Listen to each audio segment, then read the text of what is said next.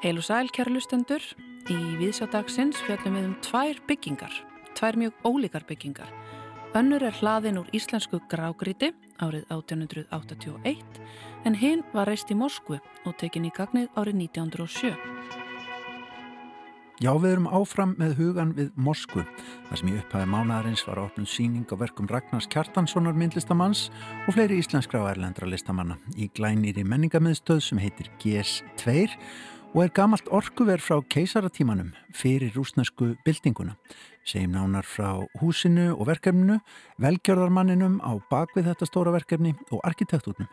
Við ræðum við Ásmund Trapp Sturluson, arkitekt hjá arkitektstofinni Kurt og Pí en hann gekk um þessa miklu byggingu við opnun húsins á dögunum. Laugavegur kallast bók sem að nýverð kom út. Höfundarnir eru þau Guðni Vilberg, arkitekt og Anna Dröfn Ágústóttir, sagfræðingur, en það er Angústúra sem að gefur út. Þetta er sagað um arkitektúr, skipilagsmál og verslun, en stór hluti bókarinnar snýrað fólkinu sem flutti til bæjarins um aldamóti 1900 og húsunum sem að það byggði. Eitt þessara húsa er bankastræti nr. 3 en bankastræti er auðvitað órjúvanlegt frá lögaveinum og göturnar tvær eru teknar fyrir sem ein held í bókinni. Bankastrætir 3 er eina steinhogna íbúðarhúsið við götuna. Þetta eru auðvitað stelluhúsið en þar hefur sama fjölskylda stundarakstur og búið nánast allar götur síðan það var byggt. Við lítum inn í stellu hér á eftir og heyrum í ettu högstóttur sem aldilis mann tíman að tvenna þegar kemur að lífinu við laugaveg. En við byrjum í Moskvu.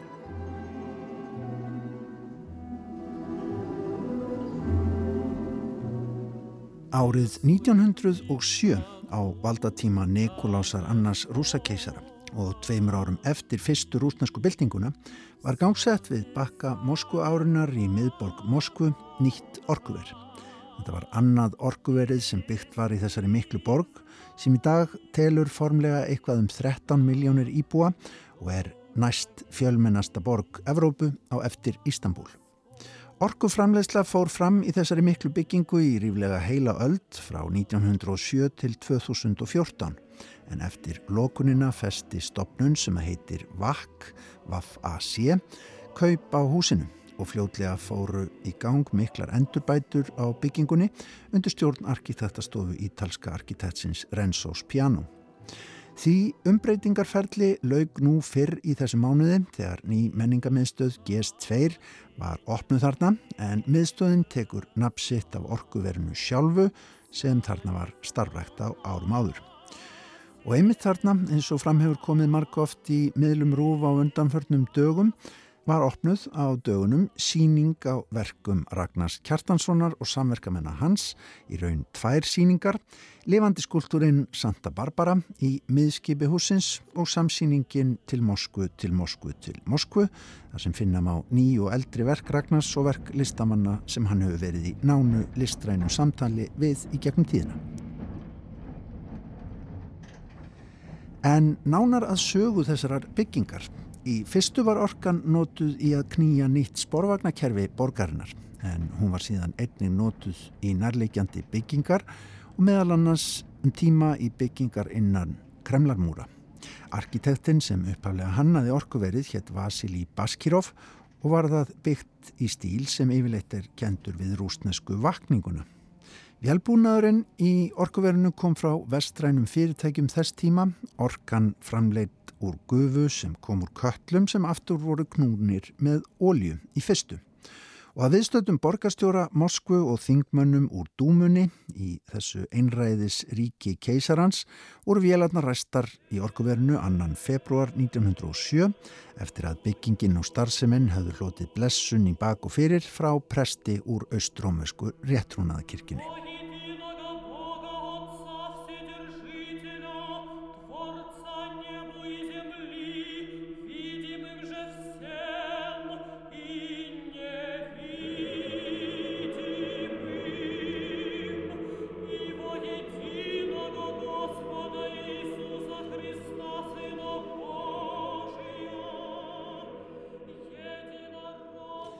Tíu árum síðar var öllu umbylt í Rúslandi og vitanlega var rekstur orkuversins að lokum settur undir sovjetráð eins og löggerðu ráð fyrir þá. Um miðjan þriðja áratvín tóku kól við af ólju til að kynnta kallana í orkuverinu og svo var rekstrarmótilið felt inn í fimm ára áætlanir Stalins. Í setna stríði fóru hundra starfsmenn þessar orkustöðvar á vývellina til að berjast við Herri Hitlers en aðeins helmingur þeirra snýri aftur. Sovjetmenn mistu eitthvað um 27 miljónir hermana á vývellunum í setna stríði. Vegna orkuskorts fór ramagsframleyslan í stríðinu á tímabili fram með hjálp eldiviðar og skóum í kringum Moskvu. Að stríðinu loknu tók gasið við við það verkefni að knýja orkuverið áfram en af því eiga rússar auðvita nóg.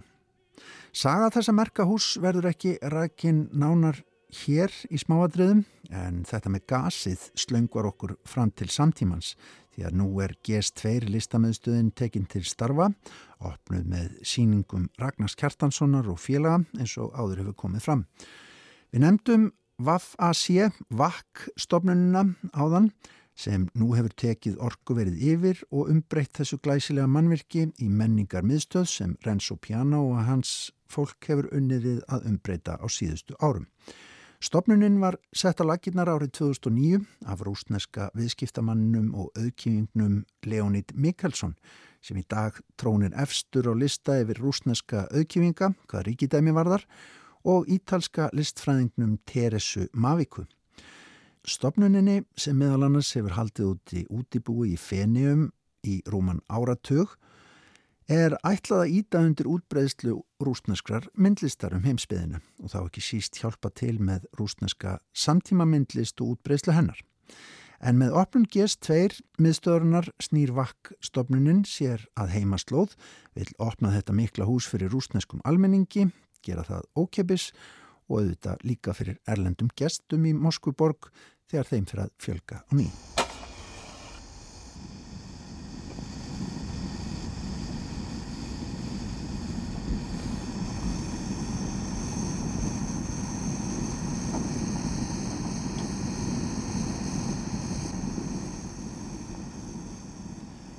Og það færir okkur aftur að þessu með gasið.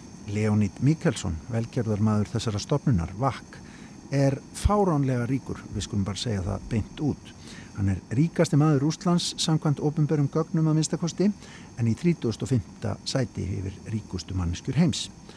Hann er af fjölskyldu Askenasi gíðinga, verkfræðingur að ment og starfaði sem slíkur í Sýberíu á árum áður meðal annars við byggingu jarðgas leðsluna. Og það er gas og efnaframleysla sem eru gert hann fáránlega auðun. Sýbúr heitir fyrirtækið sem hann á að meira hluta.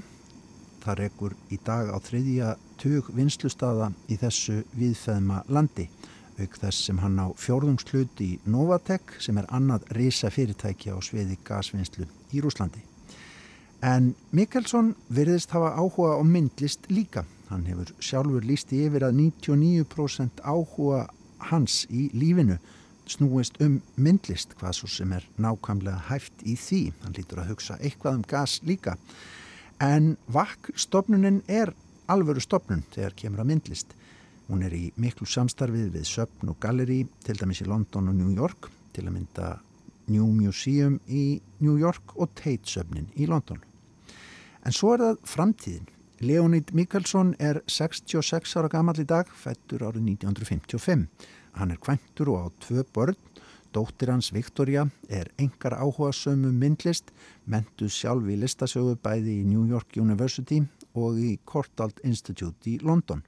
Og já, VAC-stofnunin, VAF-AC, er kend í höfuðið á henni. Nafnið stendur fyrir Victoria, the art of being contemporary. Victoria, listin, já, við að totla í samtímanum. Já, þessi stopnun og sapnið nýja GS2 í miðborg Moskvu, hannað af Renzo Piano, má segja að sé gjöf föður til dóttur sínar. En þá aðeins að arkitektúrnum við sjá höfur fengið til sín góðan gest.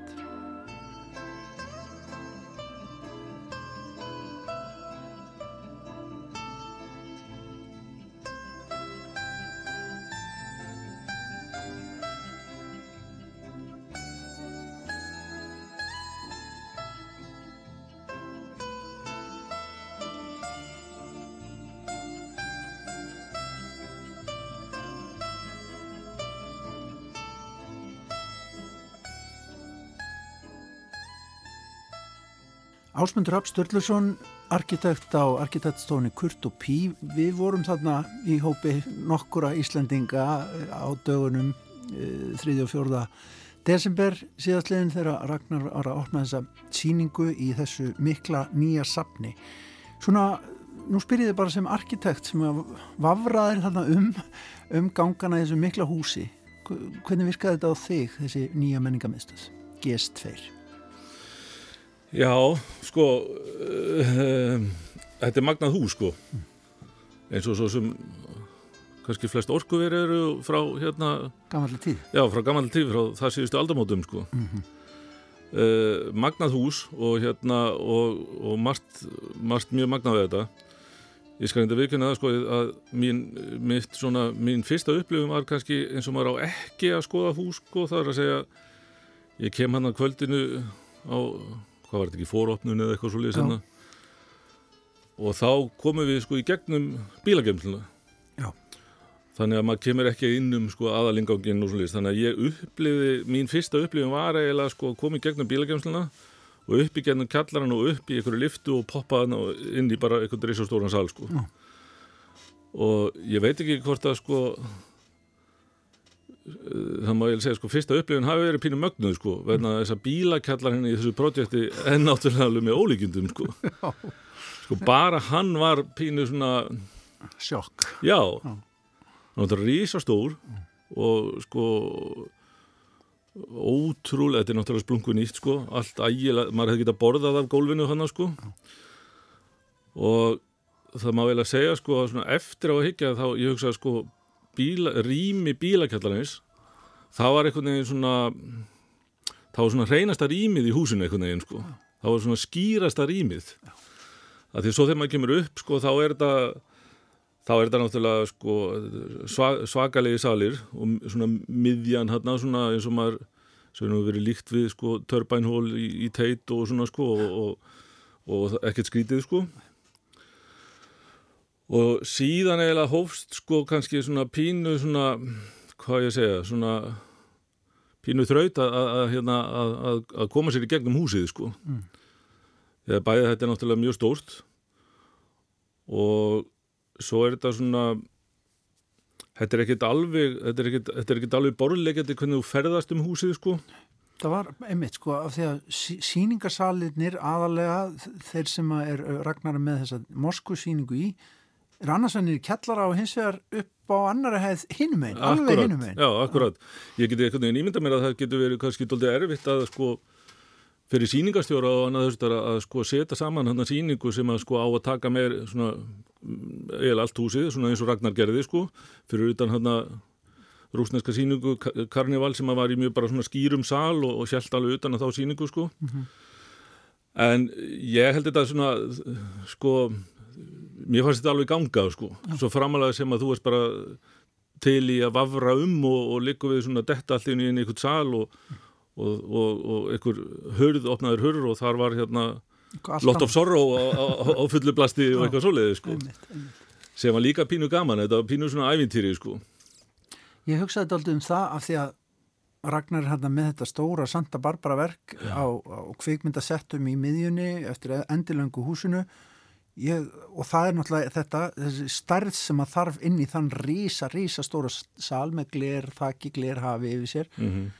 hvað gerist svo? Hvernig ætlaði það að nota húsið til framtíðar? Ég Já, sé, ég... Nei, nákvæmlega, ég hugsaði akkurat þetta sama sko uh, þetta er mjög flott þetta hefnast mjög vel hvernig Ragnar gerir þetta sko. og hann eiginlega býr til að, að þetta er náttúrulega þessi ég man ekki hvað voru mörg stage set, þrjú, fjögur eða eitthvað svo leið sko, og svo búningar og svo smink og svo leiðis uh -huh. og það er eiginlega búið til eins og svona sér rými í þessum gríðastóra sal.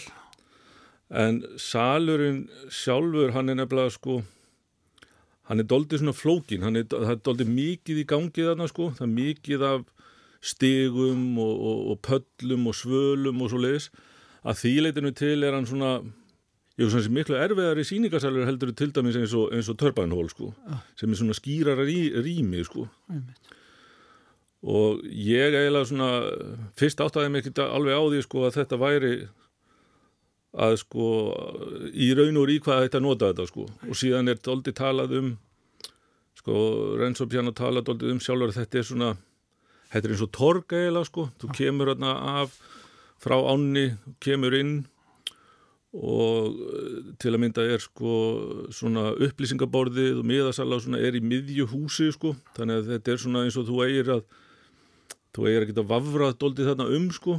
Og, og svona já, uppgötvað og svoleiði sko. Svona menningar lestastöð Já, einmitt, doldið svoleiði sko. Já, og það er náttúrulega sko það verður kannski að halda því til haga að þetta er náttúrulega, þetta er einmitt menningar miðstöð sko, þetta er ekki þetta er ekki sko, þetta er ekki bara síningarhöld sko, þetta er ekki bara myndlistar samt sko Nei.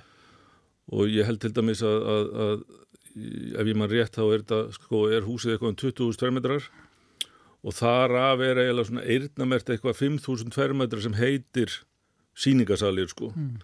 sem er sérst eitt fjórði já, af, af húsinu fyrir utan 15.000 tverrmetra bílakjallar sko. þannig að, að sko að ég held að, að sko, maður getur mögulega ef maður, ef maður er að hugsa um eins og Renzo Piano og hans verk að, að ég að sé kannski nærtakara að, að bera þetta saman við eiginlega svona hans fyrsta verk Pompidou Center og heldur en eins og sko sö- söfn sem hann hefur gert sem er engungu utan um, um myndlist sko. Þar sem hann hefur tekist mjög vel til sko. Og það má vel að segja sko að þarna sko þetta til dæmis, þetta er mjög langur vegur frá uh, Baylor Foundation í Basel sem er, er bara eitt af betri svona síningarhúsum í, í veröldinni sko, gríðarlega fallit og, og, og, og, og mjög gaman að koma á síningar bara í raun og veru út af, út af því hvernig arkitekturinn er gerður sko, Allt önnu pæling. Allt önnu pæling sko. Já, þetta er alveg áhugavert að þarna inni sko, að fyrir að fyrsta þá að því að ein hugmyndin hjá honum var að þú sægir doldið svona umferðarleiðir. Þannig að þú sérð mjög mikið af stígum og pöllum og annað þessar og, og það láfi stundum að maður finnst maður að vera fastur í hérna svona esjar tekníku eða eitthvað svo leið sko. En, en þetta er allt hvítt. Það er allt hvítt að það inni sem gerir það líka verkum að það er svona það getur verið pínu erfitt að orientera sig. Og svo kemur, og það eru, ég held að sé 15 liftur hana sko og sumar ganga svona í gegn þannig að þú kemur inn í eina og út hinum einn og þú, þetta smá tíma áttaði á því hvert þú ert að fara sko. Já. en sko þetta, með að þetta sé allt hvítt er eiginlega sko það, það er áhugavert en það er pínu svona já, það er pínu það er kannski aðsnald að segja þetta sé flatt þess að það er náttúrulega þetta er mjög komple, komplex struktúr sko en það er náttúrulega áhugavert að í þessu projekti sko, í þessu verkefni þá, þá, þá koma saman eiginlega sko tveir Renzo Piano. Það er annars vegar sko þetta semst orkuverið sem að er svona, já eins og ég segi svona doldið homogenik en svo eru, svo eru svona vinnustofur hérna við hliðina á, á, á orkuverinu sko sem að er að hluta til held í gömul vodkaversmiða og þar færðu sko Renzo Piano sem að er sko með þessi efniskend sko sem er svona svipað eins og, eins og Foundation Baylor í Basel sko sem er mjög falleg einmitt í- út af efniskendinni sko. En þar ertu komin í sko rauðan mústein og, og, og, svona kvelvingar og, gríðarlega fallegt landskeiping landslag hana, með svona með byrkitrjám og annað þess þar og þetta verða pínu svona, fyrir mér voru þetta svona eins og, eins og tvö Renzo Piano project hana hlið við hlið sko Sigurt heilakvælið Já, doldið svo leið sko, því að hitt var, hitt var gríðarlega fallegt þessar, þessar vinnustofur hana sko. En hvað fannst þér um já, útlit húsins vegna þess að það eru þetta vísun þarna í þessa forsögu með að þetta sé gammalt orkuver. Þannig eru fjórir turnar bláir langar mjóar trjónur sem að, sem að sapna lofti ofan í, ofan í uh, rýmið sjálft. Mm -hmm. eh, gefur þessu mjög stert yfirbræð en líka þessi svona hvíta slétta áferð á öllu sem er Mhm. svona pínu gerilsnitt daldið eins og skurstofuleg Já, ég, einmitt, sko, þetta er eh, sko, eiginlega upplifin mín af öllu projektinu var doldið að þetta var svona hvað ég segja, þetta var svona full homogenik fyrir, fyrir, fyrir minn smekk, sko Mm. Uh, sko stórkvæsli tús, flottur arkitektur frá, ég held að þetta hafi verið byggt 1904 til 8 eða eitthvað svo liðis tekið í gagnið sjö, Já, sjö. Já. Uh, og það sko þegar maður sá gamla myndir af þessu þá óneittalega var það doldið meiri karakter á, á byggingunni. Mm. og það, þetta er Músteins hús fyrir utan náttúrulega allt stálið þarna sem er í þessu sko og það mátti lesa miklu betur svona ornamentinn og svoleiði sko í húsin eins og það var. Uh, það voru sko þú veist þrý, þrý fjóri litir á húsinu og, og þess að þar en núna var þetta svona doldið eins og já þeir, þeir fengu þarna eitt lit og, og, og máluðu með honum sko. Já. Og það líka þarna með þess að turna að, að mér varst þeirra þetta, þetta, þetta var áhugavert sko. Mm. En ég veit að til dæmis þarna sko af, af svona kollegum hérna í, í Moskú sko að þetta er þetta var, þetta var sko með, það voru ekki allir sáttur sko. Nei. og meðal annars að, að sko það voru á húsinu fjórir mjög stórin músteinsströmpar á öðrum stað heldur en þessir eru sko. Mm og það var svona já, menn voru doldið að tala um það sko að það hefði verið doldið gaman að endur gera þá, það, er lungu búið að rýfa þá reyndar sko, mm -hmm. en út því að hann ætlaði að gera aftur strómpana sko að þá fannst uh, mörgum úr svona ég ætlaði nú svona minja, minja áttinu sko fannst hann að farið kannski doldið svona ódýra leið með, með hana, þessum fjórum stálstrómpum mm -hmm. en, þeir, en þeir eru tvímanlaust svona sem maður noti nú hérna klísulíðan frasa úr arkitektunum sko, þeir, þeir, þeir eru kennileitið sko. Og maður sá það víða að í Moskvu þá sá maður þessa, þessa fjóru strömpu, strömpa sko.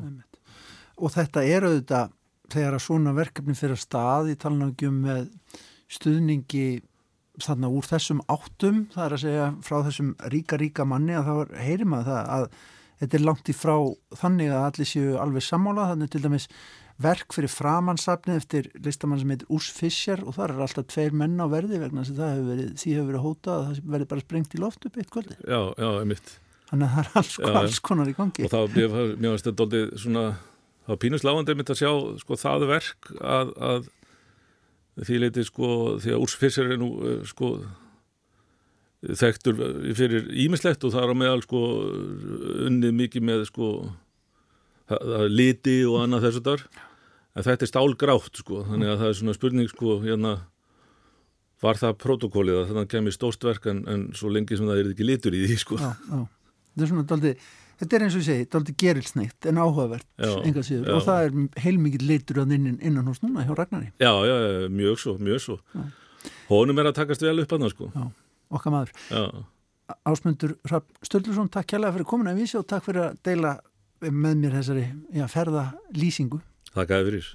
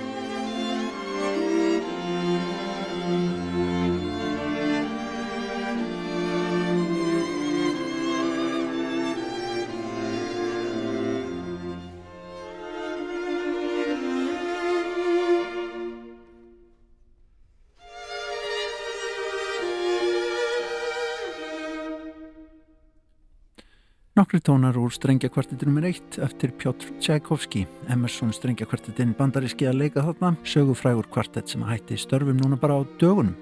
Færlegt að þurfa að draga niður í þessari fallegu tónlist en svona er þetta stundum í útvarpi.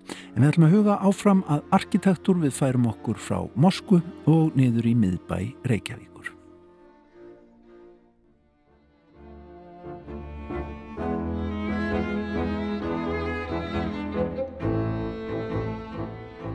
Dögunum kom út bók sem að fjallar um sögu húsana við laugaveg og hún kallast einfallega laugavegurinn. Höfundarnir eru þau Guðni Vilberg, arkitekt og Anna Dröfn Ágústóttir, sagfræðingur, en það er Angústúra sem að gefur út. Þetta er saga um arkitektúr, skipulagsmál og verslun og einni gefur bókin upplýsingar um sögu fólksins sem húsin byggðu, fólk sem að ofta tíðum bjó í húsunum. Eitt þessara húsa er eina steinhogna húsið við göduna en þar hefur sama fjölskylda stundaregstur og búið frá upphafi en með stutti hlýið þó. Húsið stendur endar við bankastræti en það eru auðvitað órjúvanlegt frá lögaveginum og gödunar tvær eru tekna fyrir sem ein heild í bókinni. Þetta er að sjálfsögðu bankastrætið þrjú þar sem að snirtiföruverslunin Stella hefur verið til húsa frá 1942 Og það er óhætt að segja að stellu skiltið sé ekki síður kennileiti miðbæðarins en húsið sjálft. Stelluhúsið er fyrsta íbúðarhúsið í borginni sem reist var úr hognugrágriti en það voru danskir steinsmiðir sem að reistu það, þeir hinnu sömu og sáum byggingu alþingishúsins. Húsið var byggt fyrir Sigmund Guðmundsson, prentara, árið 1881 en hann þurfti að selja húsið frá sér árið síðar til Sigurðar Kristjánssonar sem bjóða efrihæðinni en rak bókaverslun á neðrihæðinni. Þegar landsbankin var stopnaður árið 1886 legði Sigurður bankanum rými á neðrihæð húsins. Bankin flutti í austurstræti þremur árum síðar en þessi stutta viðvera bankans í steinhúsinu átti svo sannarlega eftir að hafa aftrifaríkar afleðingar því bankin stál nafninu af bakaranum sem var til að húsa hinnum með við göttuna og 1888 var gatan formlega nefnt bankastræti. Hefði Sigur þessi ekki leikt bankanum rýmið í þennan tíma en okkur víst að gatan héti í dag bakarastræti. Eins og kemur fram í nýju laugavægsbókinni þá segir í árbókum Reykjavíkur að bæjarstjórn þótt eiga betur við að kenna götuna við nýja bankan en við hinn gamla bakara. En svo vildi það þannig til að þremur áratugum síðar, árið 1927, komst húsið aftur í eigu fjölskyldunar sem það byggði og svo fjölskylda á húsið enn þann dag í dag. Ég bankaði upp á í versluninni Stellu, Árla Morguns og þar tók á móti mér Edda Haugstóttir, ein af eigandum húsins en hún hefur staði vaktina í Stellu frá 1977. Hvað segir Edda?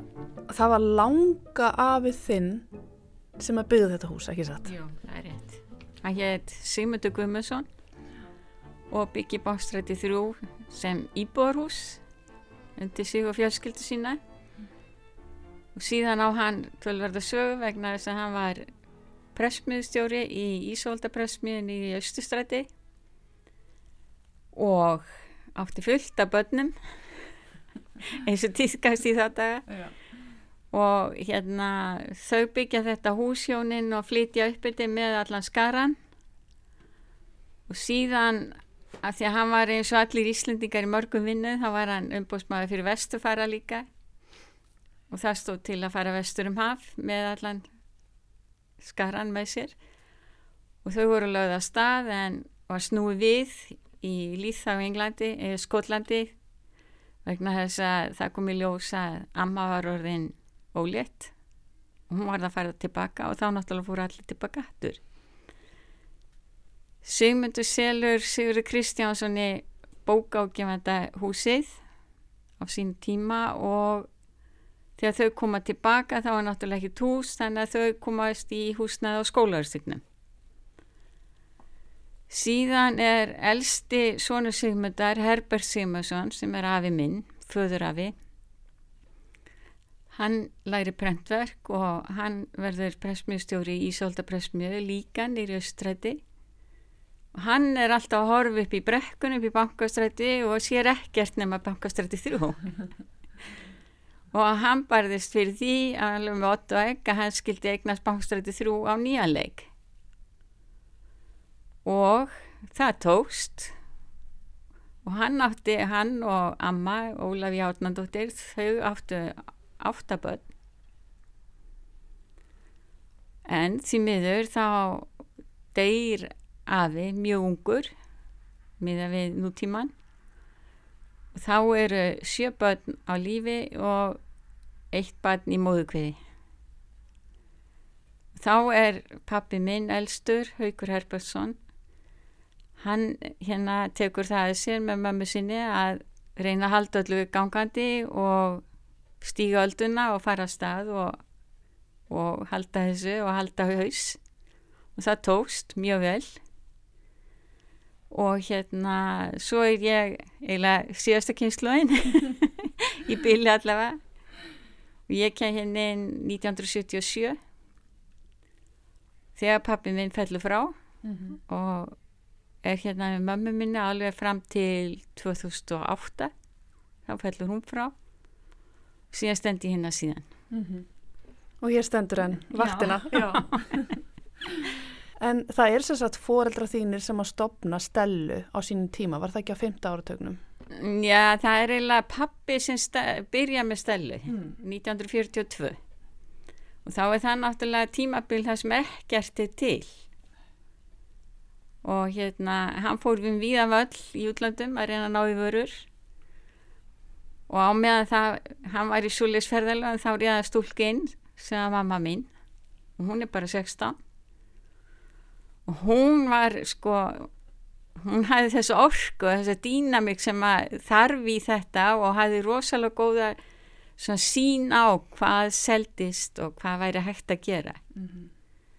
og hún bara tók sénsinn sem tókst alltaf mjög vel og hann var mjög ánæður og hérna svo endaði það í hjónabandi sem var mjög skemmtilegt og mhm. ánægilegt hjónaband hjá þeim. Mm -hmm og við erum fjögur sískininn og höfum öll að einhverju leiti komið við nálagt þessu rekstri í gegnum tíðina. Mm -hmm. og inni mjög vel saman Þannig að móðir þín kemur hérna inn 16 ára gömul Já. og bara rýfur hérna þessa verslun í gang Já. og stendur hér vaktina þar rétt. til árið 2008 Já, það er rétt og gaf ekkert eftir Og var alltaf hugmynd að vera með snirtifurur eða hvað var svona fyrst Nei, hérna? Nei, þetta er búið að vera svona þróun á vissan hátt sko, þau byrja stella byrjar sem metraurveslin mm -hmm. til viðbútaði það koma einn barnatpöld á tímabili síðan kemur snirtifara mm. síðan kemur 1959 verður stellaði snirturveslin síðan hefur við verið svona þró okkur áfram sko, við hefum verið í snýrsturinu, við hefum verið í nærfatnaði, við hefum verið í fatnaði, við hefum verið í sokkaböksum mm -hmm. þannig að mér finnst að vissan áttu sér konin í ringin en svona uh, samfélagi, þjóðfélagi það breytist náttúrulega og vestlun verður að aðlaga sig að breytum tíma sko mm -hmm. Sannarlega, ég hugsa að það fáir staðið vaktina jafn lengi hérna við laugavegin og þú og fylst með þessari götu, bankastrætinu og laugaveginum breytast í gegnum tíðina þú lítur eiga ótrúlegar minningar hérna við þessa götu mannstu svona þínar fyrstu minningar hérna? Já, já, ég man, man, sko, þú veist þegar maður er krakki þá er maður ekkert að spá í sko, hérna maður spáir í umhverf, maður spáir hvaða krakkar er í umhverfinu og hvað er gaman að leika sér. Já. Aðaleikvöldun og hjá okkur var stjórnarhastúnið og túnið hérna er fram að lækjabrekku sem við köllum Atmastún. Og síðan vorum við í Brenn og Solis í skólastrætinu og þú vittir í mig að tíma sem ég er búin að lifa ef að lauruglubíl sjást í nákvæmlega þá leistist allt upp og allir fóru heim til sín menn fóru að gapa upp í lögguna þau bara virtu hann og fóru Við vorum á reyðhjólinn hérna inn í umferðinu og allt gekk bara eins og smurt. Ekkert, engin trafali og ekkert og engin meittur og... Mikið líf og mikið dýnamík. Já, það, það man ég mjög vel mm -hmm. mikið fólk, mikið af fólki mikið af bílum, mikið af hjólum mikið af badnavögnum mm -hmm. og þetta gekk allt eins og smurt mm -hmm. og við vorum hérna svona, fólk var að fara til vinnu það var mikið af stórum vinnustöðu hérna nýri bæ og, og það var svona ís Einmitt Það býr sannilega ekki farra fólk hérna á svæðinu en það hefur svona breyst umhverfið, það er ekki jafn mikil þjónusta kannski og, og svona stopnarnir, auðvitað er þú veist símin, posthúsið, bankin, þetta er allt farið. Já, já, allt farið og, og nú er með þess að tóttstjórnskrifstofan og orðið svolítið að þú kennst ekkit inn þar, þú er bara að gera allt rafrænt. Mm. Þannig að, og skattstofan var líka nýri bæ, allt rafrænt.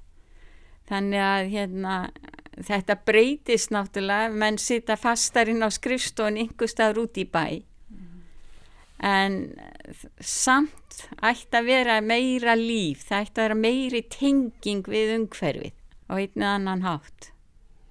Þannig að það er minna líf við lögaveginn þrátt fyrir þennan aukna farðamannaströmm Já, það er öðruvísi sko, við fundum það nú, þú veist, þegar hérna, COVID kom inn í myndina og allir hurfu. Mm -hmm þá er búin að skríti að, sit, að standa í, aðalgut bæjan og verða bara hiss sem að reksta manneski það er alltaf skrítið mm -hmm. og svona óæðlilegt með að, þetta sé miðbær, miðborgin okkar skoð mm -hmm. þá er þetta mjög óæðlileg staða Það var alltaf, það var alltaf staði svona dálítið styr um þessa götu hérna og það að verið skipta skoðanir, það að vera að tala um hvort það er að vera bílaumferð Þú eru auðvitað fylst með þessu og bara fengið allar þessar breytingar og þessar deilur beint í æð, ekki satt? jú, jú, en hérna, sko, ég hef alltaf lítið á það svolítið sem við náttúrulega búum á Íslandi. Það er gott við þegar við komum í vinnan kl. 9 á mótnana en kl. 6 á kvöldi en þá getur verið bara orðið ófært á milli húsa og það er nú svona erfitt að tengja saman sko að við erum að vera gangandi á reyðhjóli svona til daglíi veturinn. En hitt er hann að mála ég vil tengja þetta svo leis bíl, almenni samkvöngur reyðhjól þetta, við erum allir í einhverju keðju. Og þetta er keðja sem hangi hver, hlekkir sem hanga hver í öðrun sko. Þetta er bara eins og lífi, þetta er bara samvinna. Mm. ef við erum ekki góði samvinni í lífinu þá er ekki gaman að vera til. Akkurat Nú býr þú hérna í, já, þú bjóst áður, þú býrð ekki hérna lengur. Þú varst, þú ólst upp í þessu húsi hérna yes, á Efrihæðinni. Já, við, við ólstum upp hérna fjögur sískinn á Efrihæðinni og svona yngsti bróðum var tveggjar og þau flutti hérna nýrtir og það þótti bara óskup eðlilegt að hann væri að leika sér með okkur hinn og krokkum og þó hann væri bara tveggja. Mm. Okkur var treyst fyrir því og ég held að hann ekki búið skada að vera með okkur. Og þú mást eftir því þegar bílarnir brunuð hérna framjá, það var ótrúlega umferð hérna um tíma, ég, ég menna strætisvagnarnir hérna fór hérna niður. Eða veistu það umferði var hérna bara stöðar í stöðara og stræt og gekk niður laugavegin og svo stundum þeir voru alltaf svektir, þá þegar þeir voru upp í yngostræti það bara gáður í hérna niður og við vissum þetta allt krakkarnir að þetta stóð til. Mm -hmm. Þannig að það var bara betra að standa og býða. Já, það er lótrúlegt að það var aldrei orðið eitthvað slis. Já, það er bara láni og láni eins og sem maður segir. En svona mannlífið, hvernig hefur flóran þróast á þessum tíma? Mér finnst mannlífið vera mjög gott hérna. Þegar fólk kemur í bæin þá er það já, jákvægt og það virði borgina.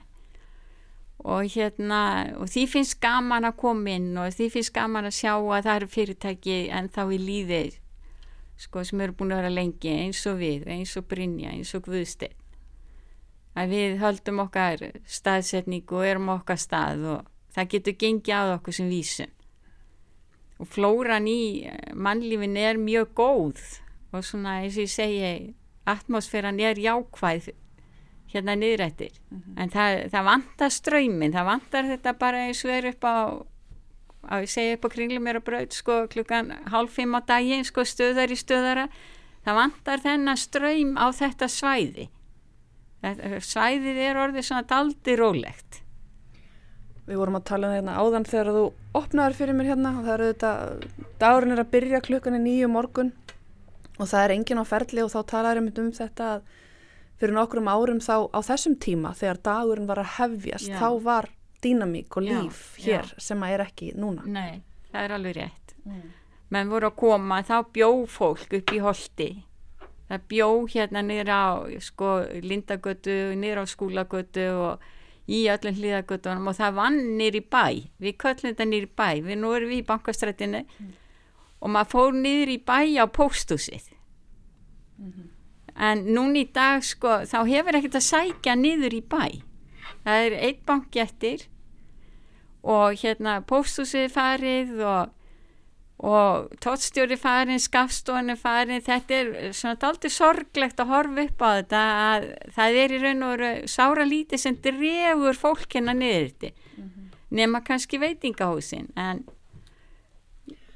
Þannig að þjætting byggðar á ekki eftir að breyta þessari dýnamík, ekki svo lengi sem að fólk þarf að sækja atvinnu eitthvað annað. Nei, ekki þú kemur út á mótnana, þú býrðu upp óðunskötu og ert í nýju húsi þar kannski og, hérna, og þú vinnur upp á höfða mm. eða vinnur út í ánanustum. Mm -hmm. Þá, þú veist, þá ert að fara í eitthvað samgöngutæki til að koma þér á staðin, þú ert ekki að fara ganganda á milli húsa. Mm -hmm. Akkurat.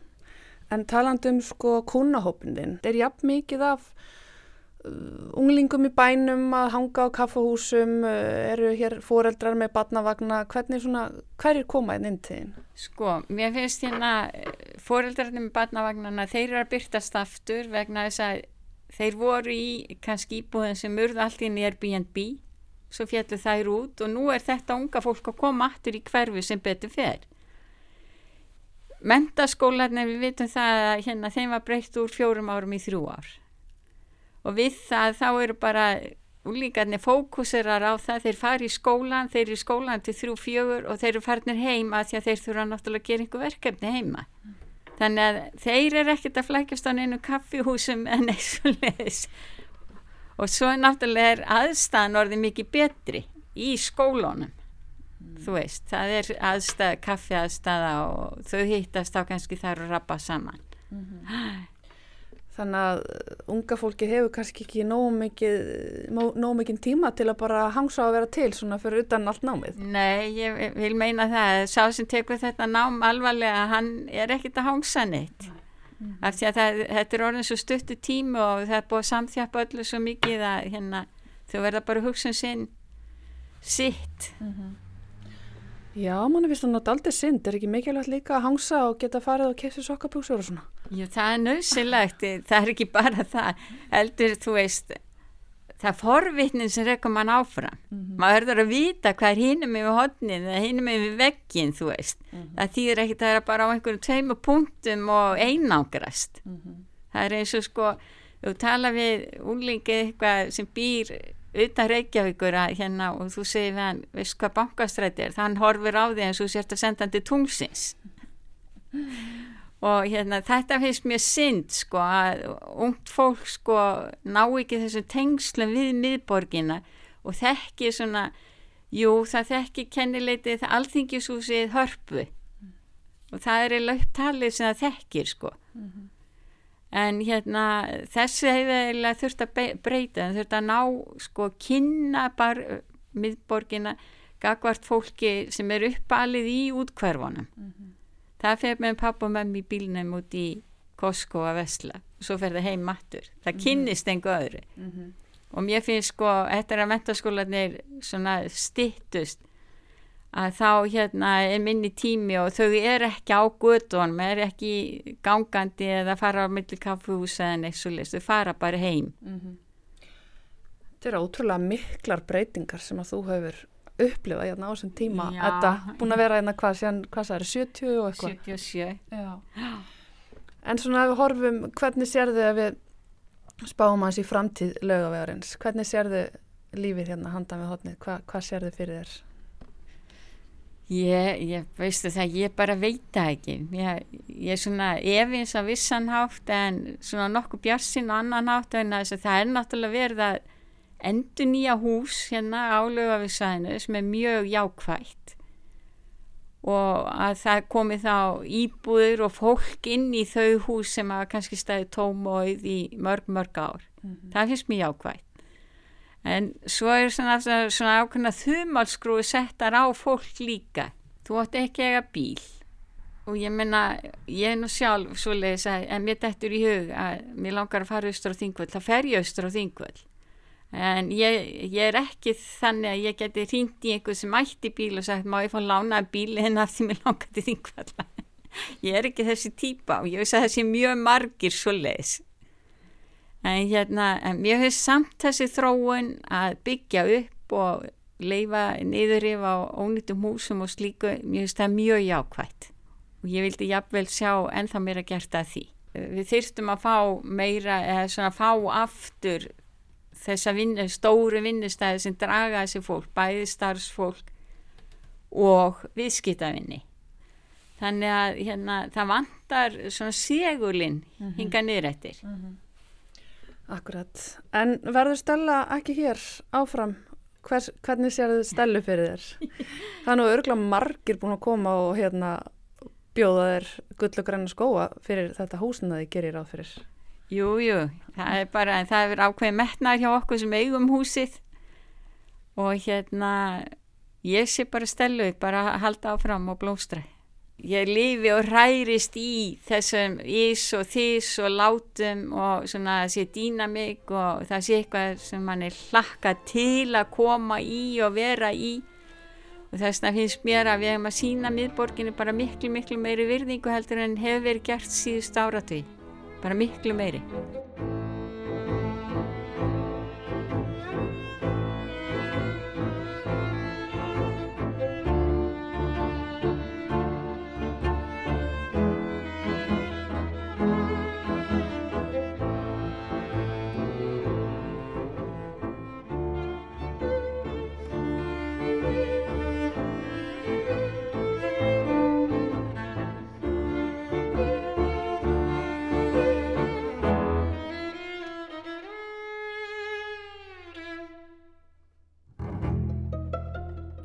Og hér endur við þáttin í dag á læginu Östurstræti eftir Þórald Skúlason eða Latta.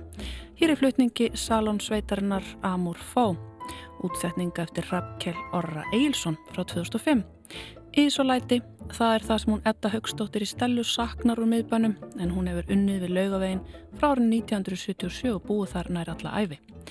Tilöfni heimsóknarinnar til Eddu var bókin Laugavegur sem komin í verið út Og það er rétt að benda hlustandum á það að Lísa Pálsdóttir rætti við höfundabókarinnar í flakki fyrir nokkur síðan áhuga sem er geta fundið það spjall í spilara rúf. En það kom að leiðalokum í okkur í dag. Takk fyrir hlusta og verið sæl.